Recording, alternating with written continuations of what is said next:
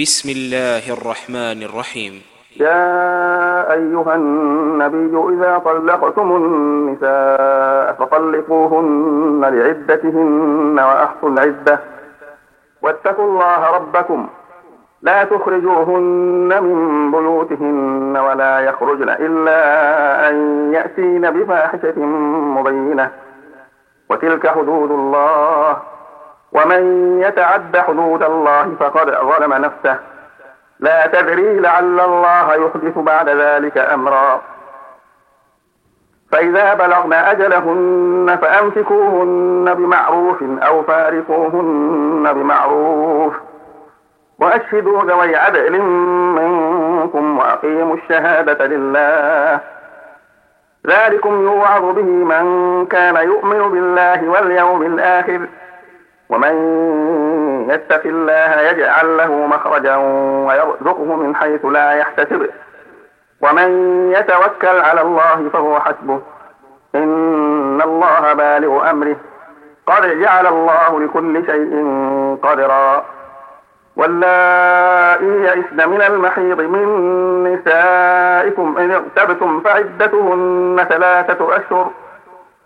فعدتهن ثلاثة أشهر واللائي لم يحضن. وأولاة الأحمال أجلهن أن يضعن حملهن.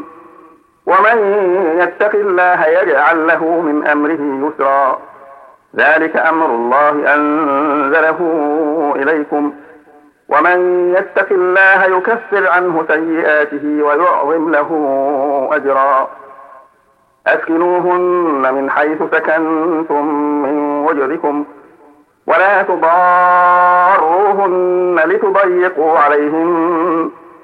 وإن كن أولات حمل فأنفقوا عليهن حتى يضعن حملهن. فإن أرضعن لكم فآتوهن أجورهن وأتمروا بينكم بمعروف. وإن تعاثرتم فتترضع له أخرى. لينفق ذو سعة من سعته. ومن قدر عليه رزقه فلينفق مما آتاه الله.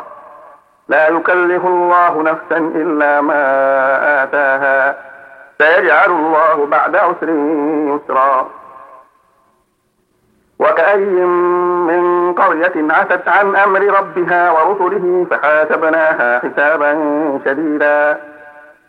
فحاسبناها حسابا شديدا وعذبناها عذابا نكرا.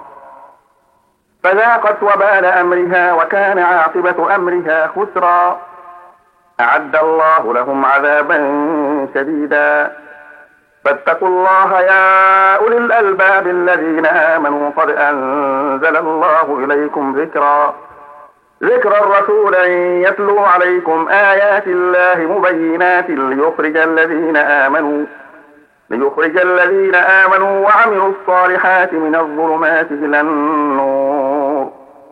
ومن يؤمن بالله ويعمل صالحا يدخله جنات يدخله جنات تجري من تحتها الأنهار خالدين فيها أبدا. قد أحسن الله له رزقا.